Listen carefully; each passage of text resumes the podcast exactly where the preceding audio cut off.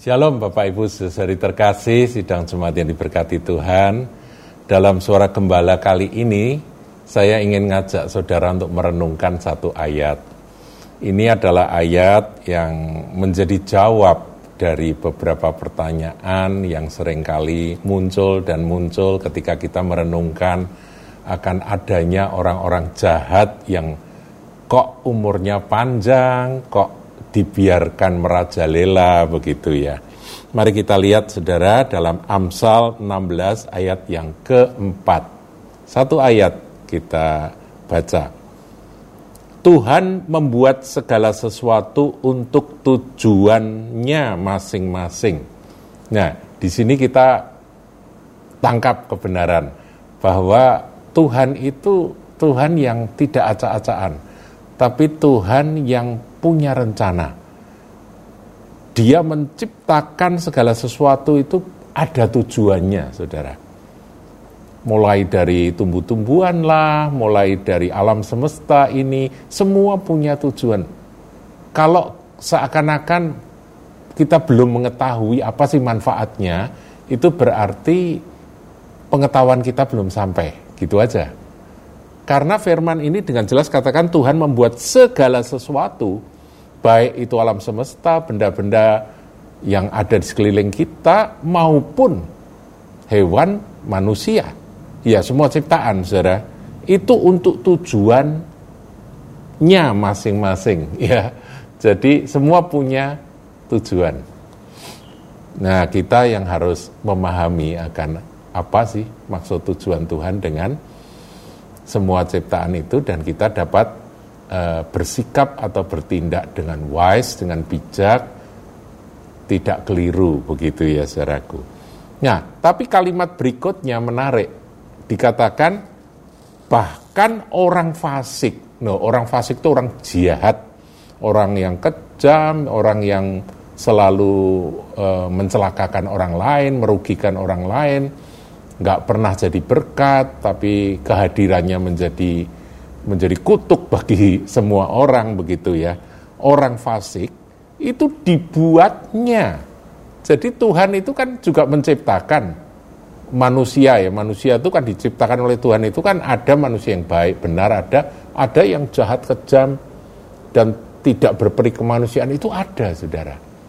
Ya, sering kali kita bertanya-tanya, mengapa ke orang-orang seperti itu dibiarkan oleh Tuhan itu ada di dunia, Ya, sering kali kita dengar orang seperti itu kok nggak mati-mati, orang baik-baik kok malah mati duluan begitu ya Zara ya.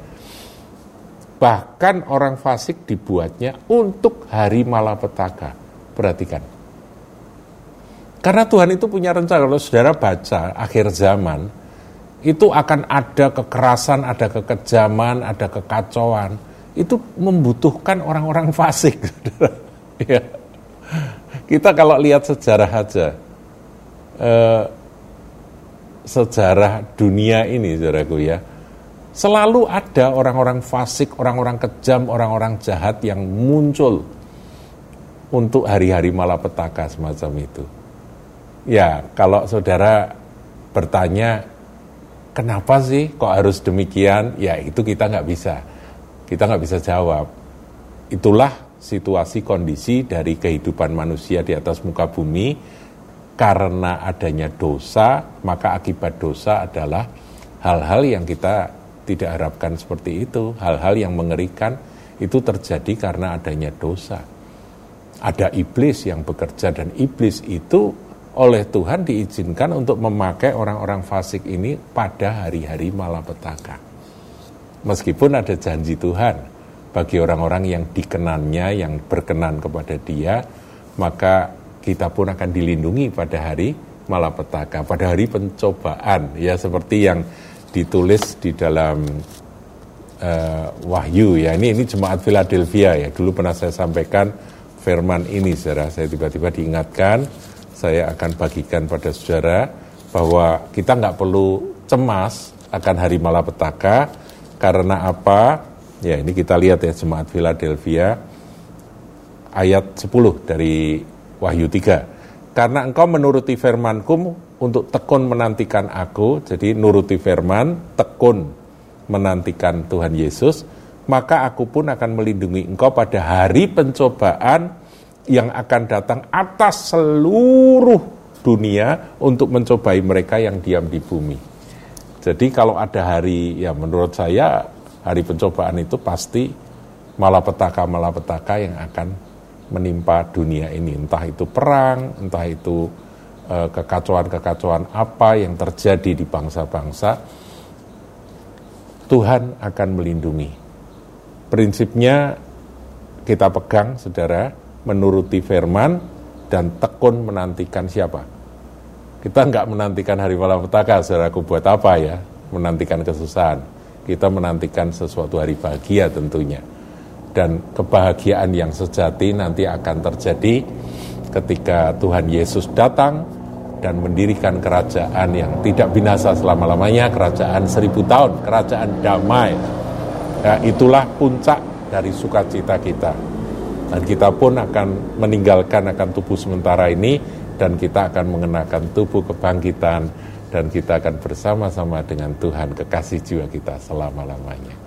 Jadi, saudara jangan heran ada orang-orang fasik yang memang sama Tuhan dibuat dan diizinkan untuk hari malapetaka. Ya, jadi nggak usah bingung saudaraku, kenapa kok orang seperti itu kok dibiarkan hidup? Ada yang bilang ya Kim Jong Un itu begitu ngeri, begitu kejam, jahat gitu ya. Kok malah terus-terusan berjaya jadi pemimpin. Ya ada waktunya nanti dia akan runtuh, ada waktunya dia akan mati tetap manusia.